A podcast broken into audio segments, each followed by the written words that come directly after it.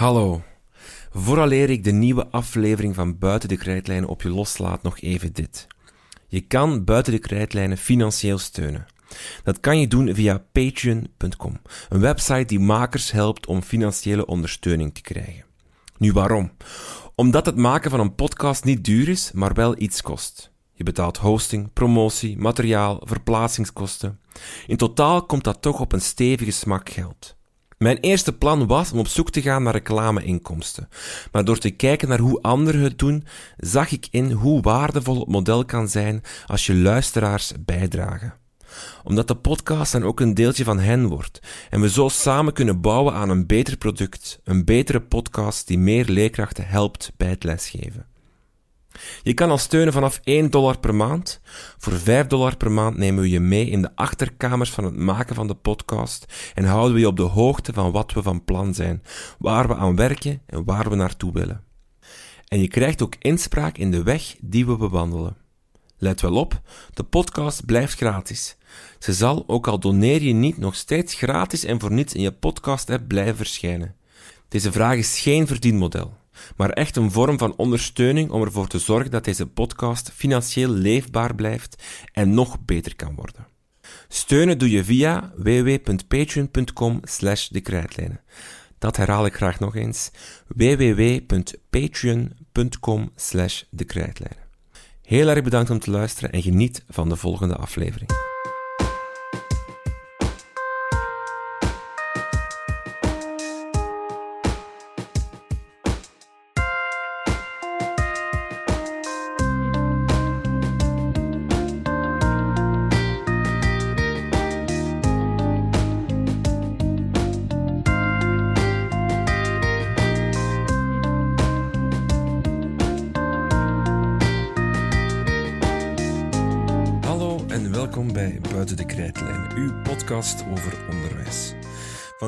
Hebben we een aflevering in onze reeks over directeurs. Met vandaag een buitenbeentje aan het woord. Debbie Gouderiaan is 29 jaar, studeerde leerkracht lager onderwijs en werkt nu voor het FOCA als adviseur onderwijs. Maar vorig schooljaar startte ze met haar eigen lagere school, de Mondomio School in Balen. Een school die het anders wou aanpakken, die op zoek ging naar kleine klasgroepen, naar rust en naar ondernemerschap. Het werd een schooljaar van vallen en opstaan, van burenruzies, van chaos, maar ook van succesverhalen en sterk teamwork. zo'n zes jaar geleden geweest. Dat, ja, ik ben zelf leerkracht lager onderwijs, maar daar heb ik heel weinig in gewerkt. Omdat ik mij daar niet helemaal thuis voelde door de grote klassen. En door ehm, ja, eigenlijk ehm, een aantal dingen die ik in het traditioneel onderwijs niet terugvond. Eh, zoals het ondernemende in een school en zo, dat, dat miste ik heel hard. Ehm, en dan ben ik eigenlijk in het volwassenenonderwijs terechtgekomen. Dus heb ik altijd in het volwassenenonderwijs gewerkt. Ehm, waar dat ik ook wel heel gelukkig was en waar dat ik wel dacht, daar kan ik mijn hele leven werken. Totdat ik een school moest gaan zoeken voor mijn kinderen, zes jaar geleden. En, ik heb twee dochters. En ja, zes jaar geleden was het moment aangebroken om de oudste naar een school te sturen. En ik vond geen school die bij mij paste of die bij haar paste. Ehm, en dan ben ik eigenlijk beginnen nadenken van, ja, wat zou dan voor mij wel een, een, een goed alternatief zijn? Wat zou voor mij een goede school zijn waar ik mijn kind wel naartoe zou willen sturen? En dat is eigenlijk een idee dat stilletjes aan is beginnen groeien. Ehm, er moest voor mij rust zijn in een school. Het moest in een aangename omgeving zijn, ehm, ondernemend. Ehm, dus eigenlijk die zaken die wilde ik er heel graag in steken. Ook de kleine klassen, wat ik wel een meerwaarde vind als, als je in een school kunt, ehm, terecht kunt waar dat niet te veel leerlingen zijn en waar ook ja, kleine klassen worden gemaakt. En dat hebben we dan uiteindelijk na heel veel eh, denkwerk in een plan uitgeschreven. Ja, je zegt we, of, of is, is het Ja. een, een gezamenlijk project, of is het echt dat van nu... Ik heb het oorspronkelijk zelf allemaal uitgeschreven, maar dan natuurlijk afgetoetst met heel veel mensen. Ja. Ehm, met mijn team, met andere leerkrachten, met vrienden, familie, eh, met kinderen. Ehm, dus heel veel over gesproken en dan ook aangepast aan, aan hun ideeën en wat dat zij zeiden van ja, dat is nu iets wat dat toch eh, anders kan of, of beter kan of op een andere manier. Hm, Dus eigenlijk een denkproces van een vijftal jaar. Ja. En dan vorig jaar gestart. Ja. In Balen, eh 67 leerlingen. Ehm, juni vorig jaar waren, waren al ingeschreven, maar je had nog geen gebouw. Klopt. dan een gebouw gevonden. Eh, ja, het jaar begint, maar dan blijken de banken te groot te zijn. Eh, nieuwe banken moeten bestaan. Hoe, hoe, hoe was dat eerste jaar? Was dat een, een rollercoaster? Of, ja, een of- heel, een heel erge rollercoaster. Ehm, vooral de eerste maanden, ik denk de eerste drie maanden waren chaos. Ehm, heel veel dingen trial and error. Ehm, en dan terug opnieuw eh, starten. Maar langs de andere kant heb ik zoiets van... ja, we zijn een opstartende school, maar daarnaast ook een ondernemende school. Dus ja, leren doet je met vallen en opstaan. Dus het past ook nog binnen onze visie dat we ehm, met vallen en opstaan eigenlijk al een aantal watertjes hebben doorzwommen. U heeft ook de hele school zelf gefinancierd. Ehm God, dat zo van... Ja, we moesten een pand hebben. Oorspronkelijk hadden we ehm, ja, wel wat ideeën in samenspraak met de gemeente ehm, ja, bekomen, maar dat kon dan toch niet doorgaan. Ehm, maar ja, ik, ik, wilde de school er hebben, dus ben ik gaan kijken naar alternatieve middelen om, om de school toch te kunnen openen. En dan eh, ben ik eigenlijk heel veel banken afgegaan. Dus ik denk een stuk of acht banken ben ik Met het idee, ik wil een school starten en ik zoek geld. Ja. Want hoe betaal je dat terug, dat geld? Want je, je maakt toch geen winst? Of, of... Nee, maar we hebben wel ehm, natuurlijk het subsidiebudget Ja. eh, van de overheid, waar dat we dan wel huur van kunnen betalen. Dus ik heb het gebouw zelf aangekocht en we krijgen huurinkomsten van de school. Ja, ja, ja, ja. En die betaalt er dan terug aan de bank. En ja, daarnaast, ik woon boven de school om het ook financieel haalbaarder te maken. Dus ik heb mijn huis verkocht om Maar- daar te kunnen gaan wonen. Ja, je doet alles voor je kinderen. Hè? Is het echt Dat is- dat de motivatie? Dat is echt een motivatie geweest Voor ja, voor de kinderen. En om ook ehm, het onderwijslandschap eigenlijk een beetje meer te inspireren. Naar van kijk, het kan ook anders. Het moet niet allemaal ehm, binnen de lijntjes blijven. Je kunt ook wel eens out of the box gaan denken. Hm. En ehm, als je echt iets wilt, dan kan dat ook. Dus dat is ook een, de drie dingen die ik eh, heel hard meegeef aan mijn, mijn team. Is kijk, we, we willen als school, dat is onze missie een beetje, we willen anderen inspireren. We willen ehm, ehm, innoveren in het onderwijslandschap. En we willen ook laten zien dat ondernemend onderwijs echt wel mogelijk is. Er is een, een probleem opgedoken doorheen het jaar, namelijk er waren buren. Ehm, daar is heel veel, als je de, uw naam of de school intypt op eh, Google of, of in zo'n databanken voor artikels, vind je daar heel veel artikels over. Wat is de status voor volgend schooljaar?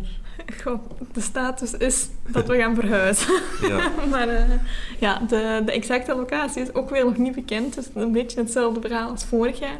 Vorig jaar zijn we pas de eerste week van augustus in een gebouw kunnen trekken. En dat gaat nu ook het geval zijn. Dus we zijn wel bezig met onderhandelingen om ja, ergens in een gebouw terecht te kunnen. Maar waar dat, dat exact gaat zijn, hebben we nu nog geen idee van. want dat gebouw, het oorspronkelijke gebouw is van jou, want je hebt dat gekocht. Mhm, Dat staat ondertussen terug te kopen. Oké, als er mensen geïnteresseerd zijn in een taverne in, eh, in Balen, Ja. kunnen ze altijd contact opnemen. Mondomio is een school met een idee, een visie, in elkaar geschroefd in het hoofd van Debbie Goudriaan. Maar wat is die visie nu? En moet een directeur eigenlijk wel een visie hebben? Een heel sterke visie. Ja. Als je geen visie hebt, dan komt je er gewoon niet. Ehm, En met icoon bedoelt u, dan, dan sla je niet in, in, in, in, je, in je...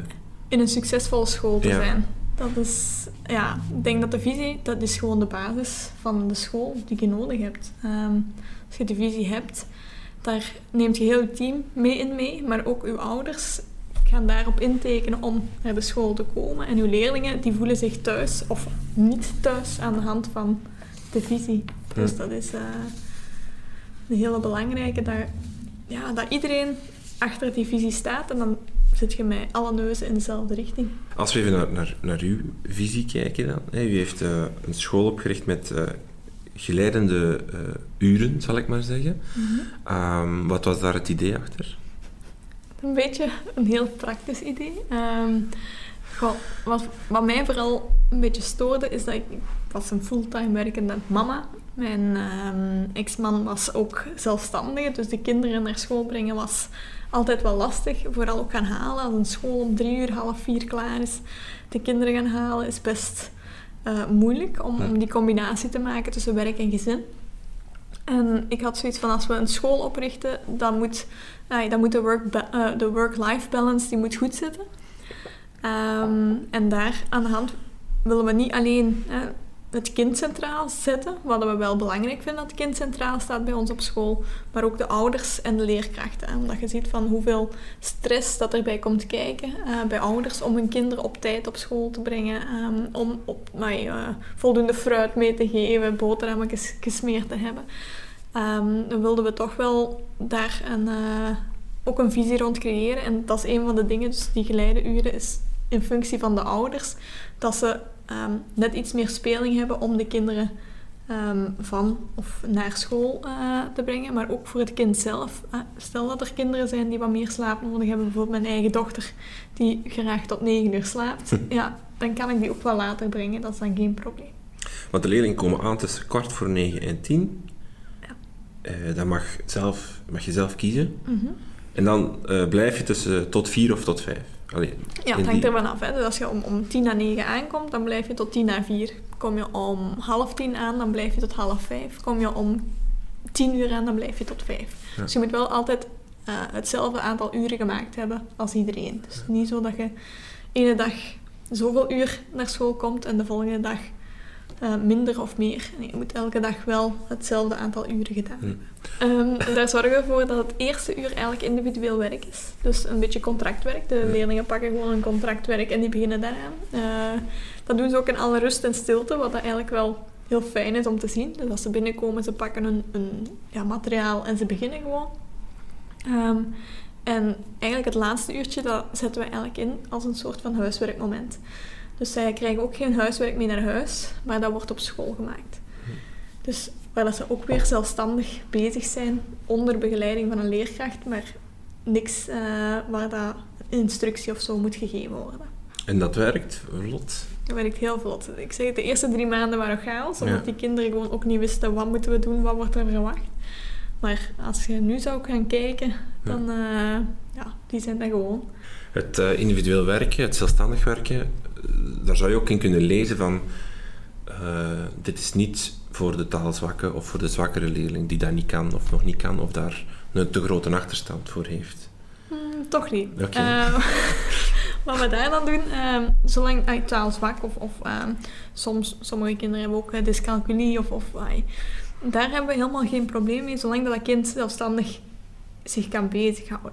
Wat doen we voor die kinderen? Wij laten uh, logopedisten, um, kinesisten, um, elke, elke ondersteuning die ze um, vaak van buitenaf krijgen, waar dat ze nog na de schooluren naartoe moeten, die laten we toe in de school. Okay. Dus dat eerste uurtje en dat laatste uurtje laten wij logopedisten, kinesisten toe op de schoolvloer. waardoor dat die kinderen wel hun individuele ondersteuning krijgen. Ook de ondersteuningsteam, uh, ondersteuningsteams of, of de grondbegeleiding, die komt het eerste en het laatste uurtje om net die ondersteuning op dat moment te geven dat ze het effectief nodig hebben. Er is een uniform ook? Ja, ook weer tweeledig eigenlijk. Hè. Dus de ouders waarvoor het heel gemakkelijk is van s'morgens is het dit en niks anders um, om aan te doen. Um, maar het straalt ook rust uit. Als jij bij ons in het gebouw zou rondlopen, um, iedereen is hetzelfde. er zijn ook geen felle kleuren van rood, oranje, geel, groen.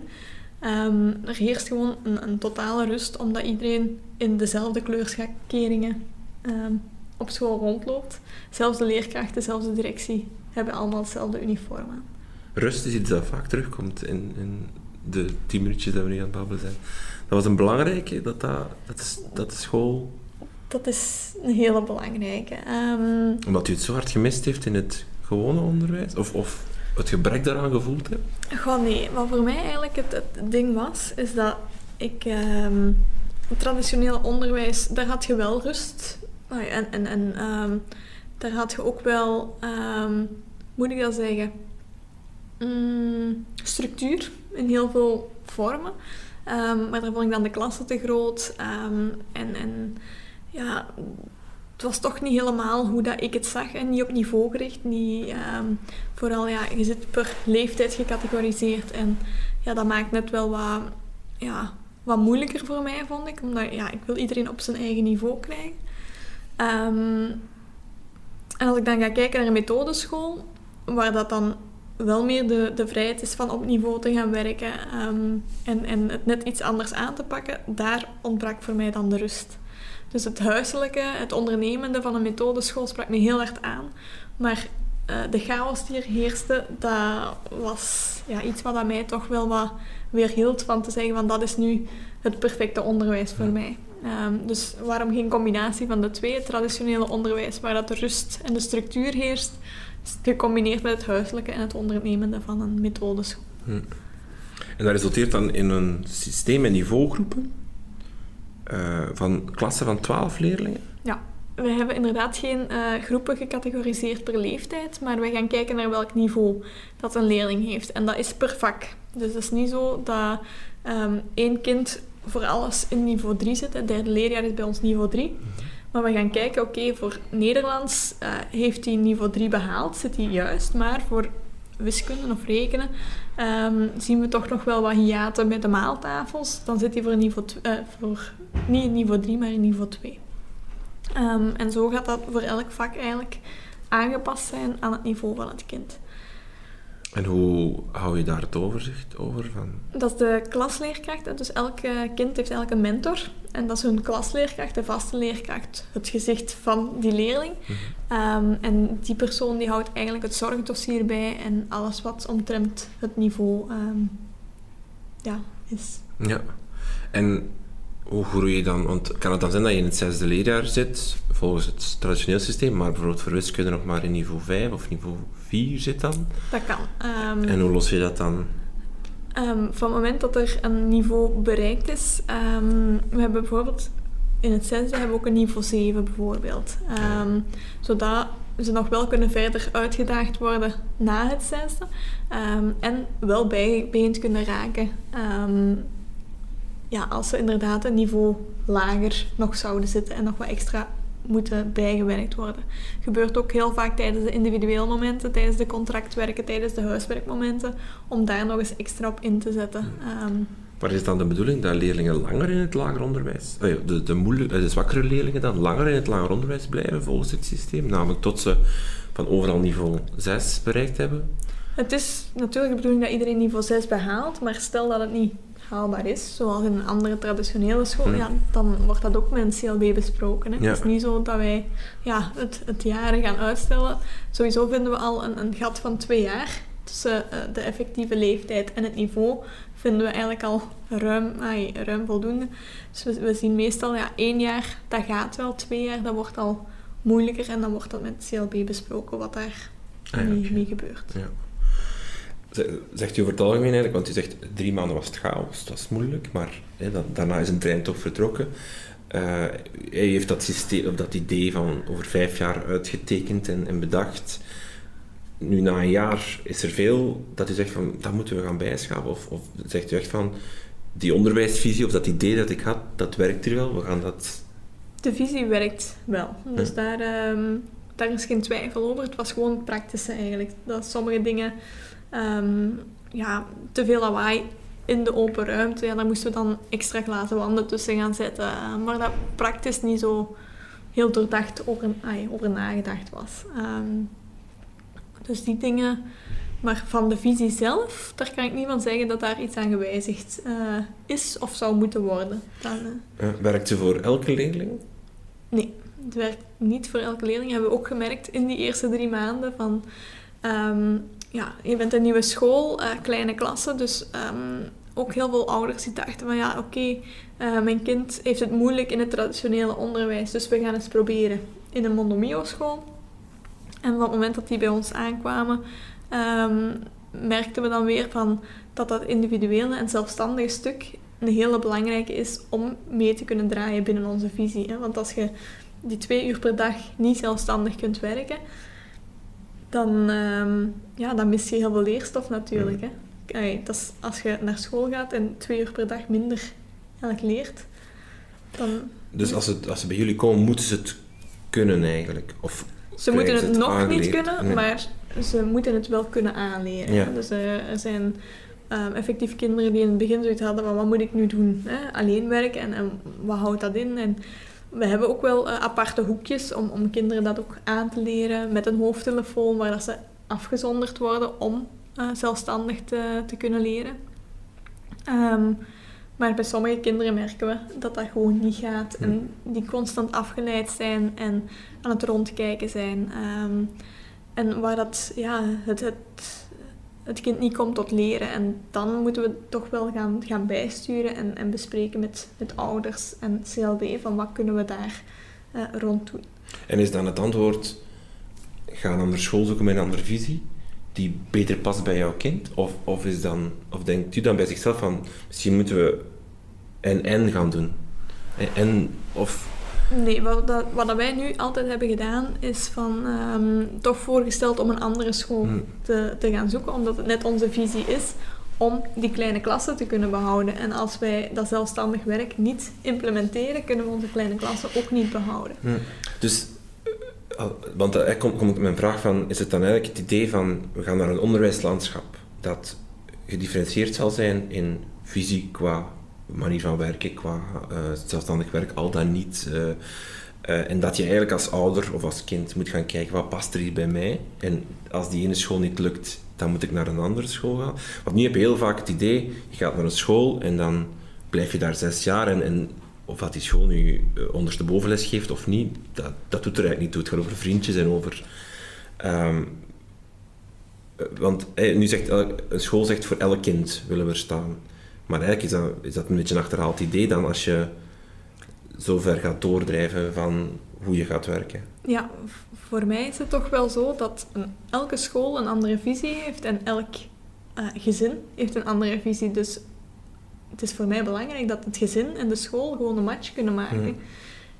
En daarom ben ik blij dat er heel veel verschillende scholen zijn. Ehm, ik zeg ook helemaal niet dat mijn school de perfecte school Mhm. is. Eh, mijn school gaat de perfecte school zijn voor een aantal kinderen, maar lang niet voor iedereen. Voor mijn kinderen is dat de perfecte school, maar ik ken evengoed kinderen waarvoor het niet geschikt is, het onderwijs dat wij aanbieden.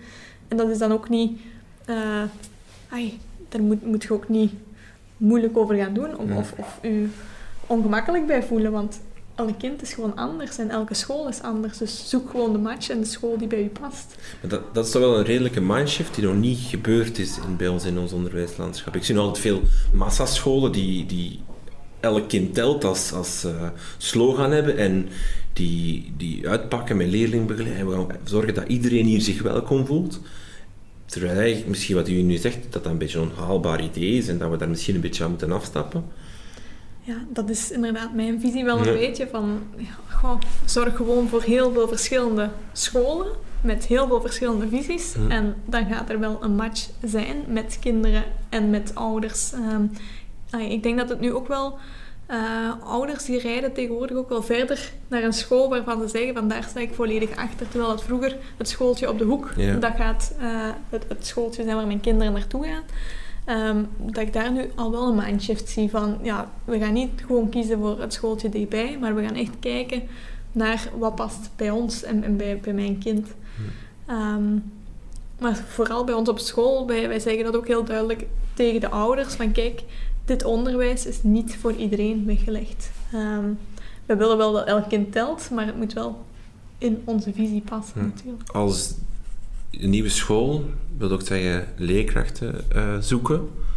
Eh, we zitten in een landschap waarin dat er heel veel tekort aan leerkrachten is. Hoe heeft u dat eh, ervaren? Zeker voor het specifiek project dat u dan wou doen, heb je ook, denk ik, specifieke leerkrachten We hebben helemaal geen leerkrachtentekort. Eigenlijk een overaanbod aan leraren. Ehm, omdat het, het spreekt ook heel veel leraren gewoon aan. Van kijk, het is iets- iets anders dan de traditionele school. Ehm, maar daarnaast, we hebben ook wel de, de voordelen bij ons op school dat we maar 12 leerlingen in een klas hebben. Dus als je ja, twaalf boeken moet verbeteren, eh, twaalf keer het, eh, het huiswerk moet nakijken, ehm, twaalf kinderen moet begeleiden. Dat is veel ja, rustgevender dan dat je in een klas van 30 Ja, staat.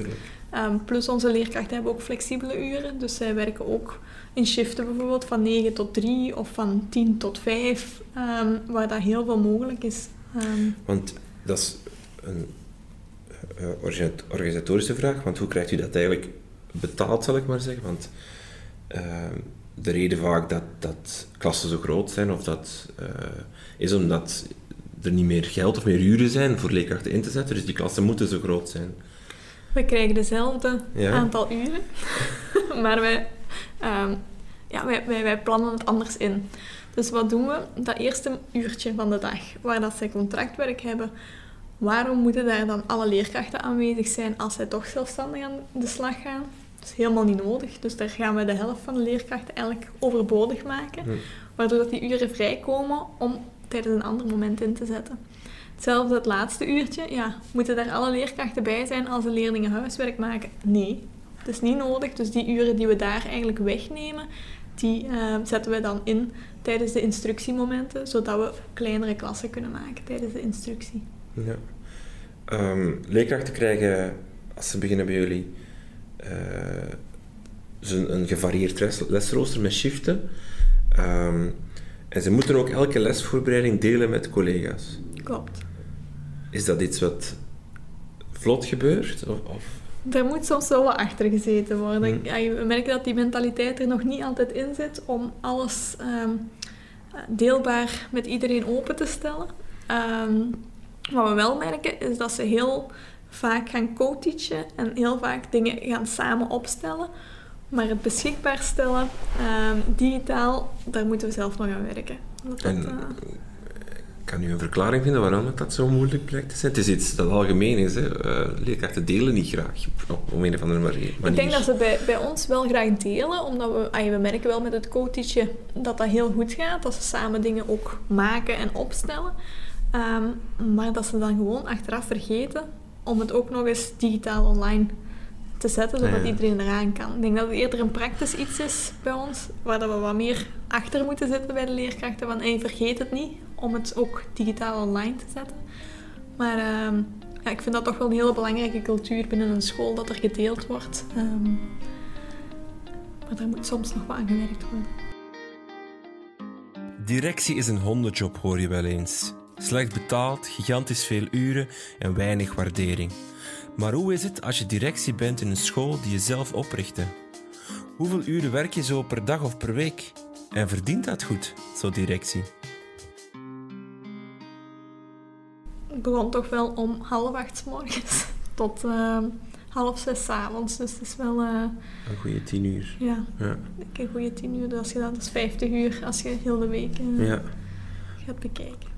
Was dat een helstempo of was dat een doenbaar tempo? Of... Bij de opstart was het echt hels. ik heb, eh, ja, het was echt zwaar. Ehm, je doet dat wel graag, maar ik stond ook nog een deel in de klas, wat het nog zwaarder Ja. maakt. Ehm, ja, omdat je dan nog niet hè, eh, het voldoen, hè. pas vanaf 100 Ja. leerlingen bent je volledig klasvrij, dus, dus dat was wel een moeilijke combinatie. Ehm, maar eigenlijk, ja, als je iets graag doet, dan doe je dat ook wel.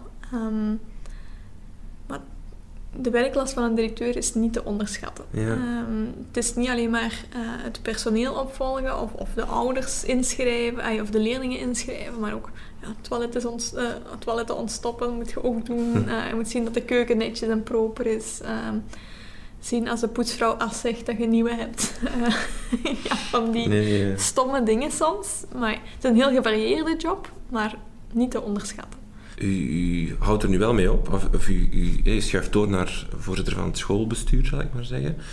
Om die reden dat het echt wel zwaar is om dat te doen. Dat was niet de reden. De reden is dat ik niet echt ehm, een directeursprofiel heb. Ehm, ik ehm, moet dat zeggen, wat dat mij heel erg frustreerde, was niet dat ik die zaken allemaal moest doen, maar dat ik tussen vier muren moest blijven.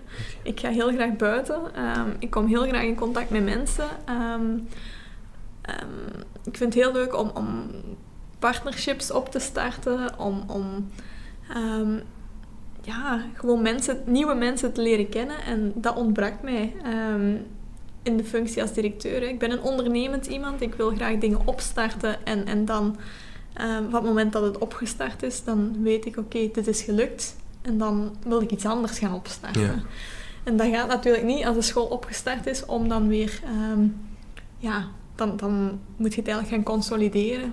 Wat dat net iets moeilijker maakt. Hij maakte voor mij om, om mij ja, te engageren voor een langere periode als directie. Directeur eh, lager onderwijs dan, verdient hij voldoende?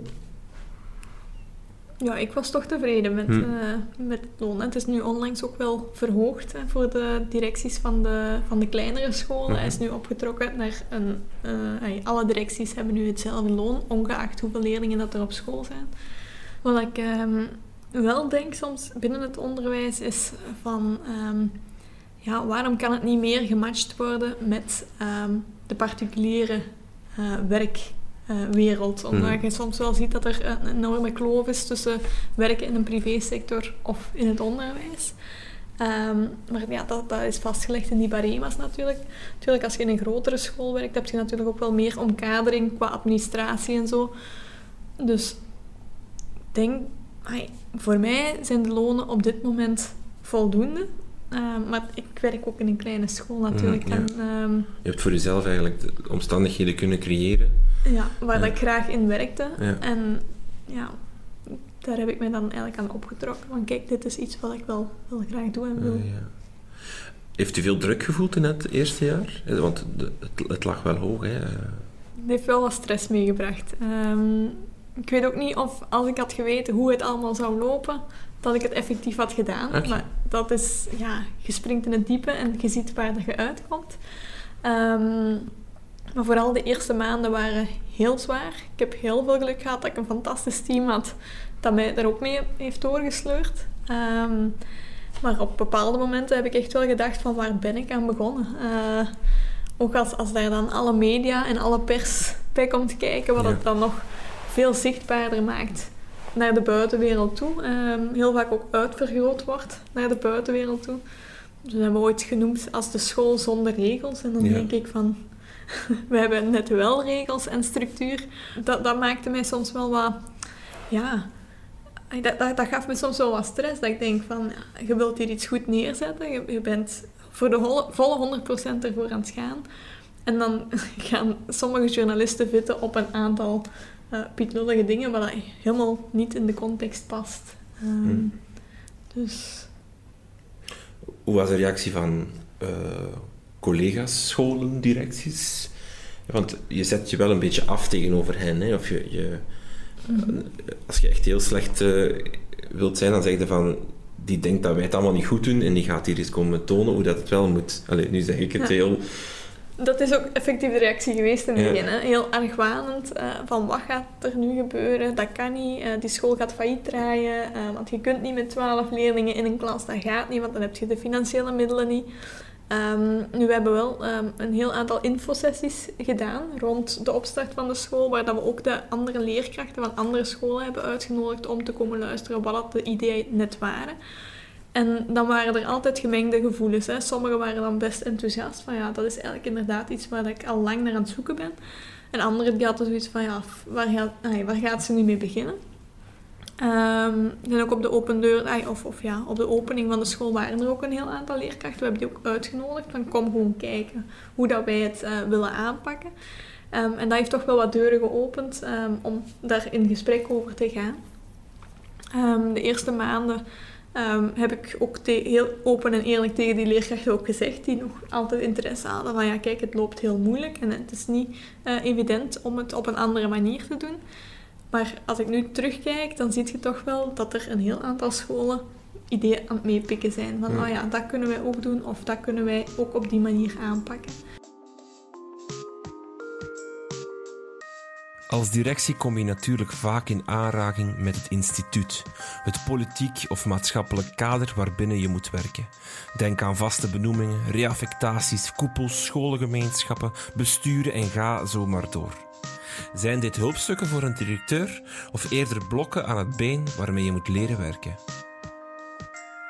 Goh, ik zie het eerder als een, um, als een belemmering. Ik ga zo zeggen van kijk, ik heb nu als opstartende school het geluk gehad dat ik al mijn personeel zelf heb kunnen kiezen. Ehm, maar ai, dat hoor ik heel vaak van andere collega's uit andere scholen zeggen, ja, maar ja, je hebt het gemakkelijk, je hebt iedereen kunnen kiezen en wij hebben het niet voor het kiezen, want het is met die benoemingen en met die dit en met die dat. Ik zeg, ja, dat is waar. En ik heb ook zoiets, het onderwijs houdt zich heel hard vast aan die benoemingen en aan al die structuren. Ehm, en om, om het onderwijs net iets anders te kunnen gaan organiseren, zou het beter zijn dat ze daar een beetje van los gaan laten. Ehm, een, een, een, school is niet zomaar een VZW'tje waar dat alles moet gevolgd worden. Bekijk het eerder als, als een bedrijfje zonder winst, maar wel met de professionaliteit dat een bedrijf heeft. Dat zou even goed moeten doorgetrokken worden in een school. En aan de hand van ehm, ja, hoe dat het personeel wordt verloond en zo, daar kunnen, kunnen scholen nog heel veel leren uit de bedrijfswereld. Um, Want HR, eh, Human Research, is niet op dit moment eigenlijk, zeker in een grote school, in, vanuit een, een scholenkoepel of dergelijke, is bijna onmogelijk. Je kan bijna niet mensen inzetten waar je ze wil. Klopt.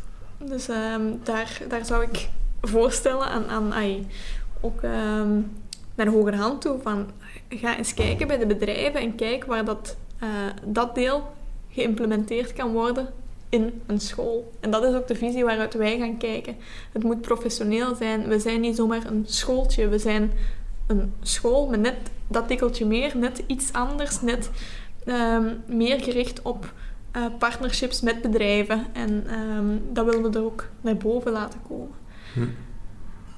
U, u, heeft uw eigen school opgericht omdat u het zelf wou doen en omdat u het anders wou doen. Je ziet dat nog wel verschijnen, vind ik, de laatste jaren. En meer en meer mensen die het zelf willen doen. Die ouders vaak ook, die denken van ik vind hier geen zo net zoals u eigenlijk.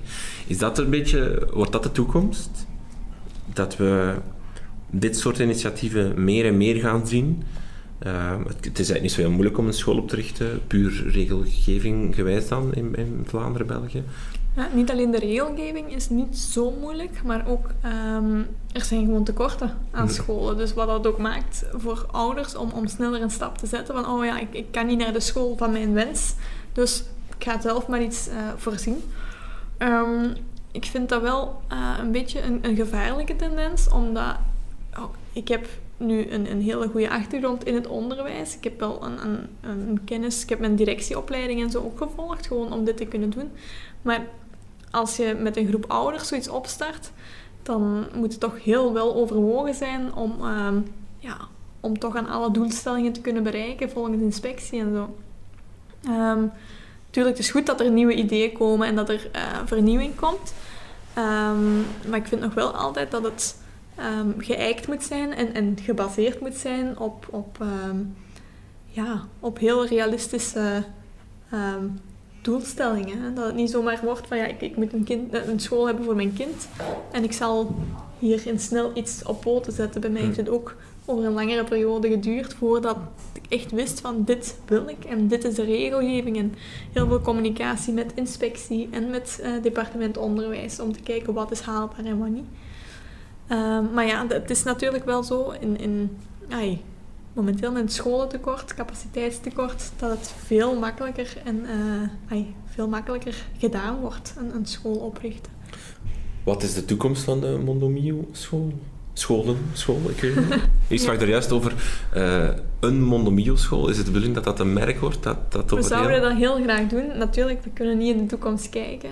Um, maar we hebben heel veel vraag van verschillende gemeentes, um, ook van heel veel ouders die verder weg wonen dan Balen. Um, die vragen, ja, zeg, kunt je bij ons ook zo geen uh, school opstarten? Dus we zijn er wel heel, um, heel hard over aan het nadenken om het meer uit te dragen over, uh, over heel Vlaanderen eigenlijk. Want dat was ook, dat had ik gelezen, een van de redenen waarom u een stap teruggezet hebt van het directie om eigenlijk vanuit die raad van bestuur misschien meer te kunnen kijken naar. Klopt, ja. Dus uh, dat is nog altijd onze bedoeling om ja, het verder uit te dragen naar, naar heel Vlaanderen eigenlijk. Hè. Zodat er ja, een, een ondernemende school is in de buurt voor kinderen die eventueel ondernemende ouders hebben of, of waar dat, dit soort van onderwijs wel voor past. hè. Lagere school, is het ook de bedoeling om door te gaan naar secundair? We willen heel graag een secundair eh, opstarten, maar dat is net iets moeilijker. Dus Ah, ehm, we hebben het al gaan bekijken van hoe kunnen we dit eh, op secundair niveau gaan doen. Maar daar is het, ehm, het, het, het aantal leerlingen waarmee je wilt starten is zoveel hoger. Ja. En eigenlijk een hele grote opstap om, ja, dan zou je eigenlijk al onder een scholengroep moeten vallen om, ehm, om daar die opstart te kunnen maken. Omdat je anders te weinig leerlingen gaat hebben het eerste jaar. En hoeveel? Ik dacht, ik weet niet 100 100%, leerlingen? Ja. 180 denk ik. 180, Dus ik dacht dat voor het eerste jaar 180 leerlingen nodig hebt om een secundair op te starten. Als je niet onder een scholenkoepel valt die Ja, met zo'n financiering anders- zit. Ja. Anders kun je vanuit de scholengroep eigenlijk een, eh, al een aantal leerlingen meetellen. Dus, ehm, maar als je helemaal onafhankelijk bent, is het heel, heel moeilijk. Jullie zijn eh, onafhankelijk, van, bij geen enkele koepel aangesloten. Mhm. Dat heeft voordelen, maar neem ik aan ook een aantal nadelen. Was het echt geen optie om, om met koepels te gaan praten? Want dat zie je ook wel gebeuren. Hè? Ook, ook methodescholen die dan met katholiek of met GO gaan praten om dan een... een- Ehm, we zijn gaan praten met heel veel koepels, gewoon ook omdat het idee van mij zelf kwam en ik voelde me nogal onzeker hè, als, ai, als Mm. enige persoon die het helemaal ging uitdragen. Wat dat ook wel gebleken is dat het heel zwaar is om als, ja, als gezicht van de school alles eigenlijk eh, te moeten dragen. Ehm, maar ja, ik heb eigenlijk een beetje bot gevangen bij de, de schoolgroepen, omdat ze daar eh, eigenlijk niet helemaal geloofden in het project. Ehm, ze, ze vonden het te innoverend, te ehm, ja, niet realistisch genoeg, eh, een beetje dromerig misschien. Ehm, maar waar dat we nu wel in gesprek zijn met een aantal scholengroepen. Ehm, gewoon omdat ze nu wel hebben gezien dat het wel werkt. ja. En dat het niet zomaar eh, loze woorden waren die ja, werden verkondigd toen. Eh, hebben ze nu wel, wel zoiets van, ja, eigenlijk... En langs mijn kant ook, het zou misschien wel een verademing kunnen zijn om in een partnership te gaan werken met een scholengroep. Dat je net ook ehm, soms wat meer expertise hebt Hm. eh, van hogerhand. dat, is, dat is echt de meerwaarde die je dan haalt. Is, is meer luisterende oren, meer klankborden, meer... Ja, meer expertise Ja. van, eh van hogerhand. Ja, als er nu ja, een deurwaarder komt met een vonnis en, en, en die zaken, ja, dat komt bij mij terecht. Mhm. En ik moet maar zien dat ik het allemaal opgelost krijg, terwijl dat bijvoorbeeld een GO heeft een juridische dienst waar Ja, je naartoe kunt gaan, van wat, wat kunnen we daarmee doen. Ja, ja, ja. Ehm, dus dat is wel iets waar dat we... ai, we zijn in gesprek met scholengroepen, met, met koepels. Maar ja, wat dat we daar... ehm, we weten ook nog niet wat we daar concreet mee gaan doen. Maar in eerste instantie waren ze een beetje terughoudend. Omdat ze zoiets hadden van... "Hmm, dit is te innoverend en, en dat zien we niet helemaal goed komen. Hm. Ehm, ja. Oké. Dus volgend jaar gewoon nog eh Monomio Eh, hoeveel leerlingen? Gaat dat Ehm, omhoog? Blijft dat? Ja, om- omhoog. We zaten eh, nu aan een eh, 96. Dus, eh, ja. dus eh, natuurlijk met de onzekerheid van de locatie en zo kan er nog wel wat in, in schuiven. Maar van het moment dat de locatie duidelijk is, dan verwacht ik wel dat we daar een goed leerlingenaantal hebben. Oké. Veel succes en hartelijk dank Ja. voor het gesprek. Dankjewel. U luisterde naar het verhaal van Debbie Goudriaan, oprichter en voorzitter van de Raad van Bestuur van Mondomio in Balen. Meer info over deze school vindt u via www.mondomio.be. U kan deze podcast volgen via Twitter, at de Krijtlijnen, via facebook.com slash de of gewoon via www.dekrijtlijnen.be. U kan deze podcast ook steunen via Patreon. Dat kan via patreon.com slash de krijtlijnen. Al met 1 euro per maand kan u uw steentje bijdragen. Dank voor het luisteren en tot de volgende keer.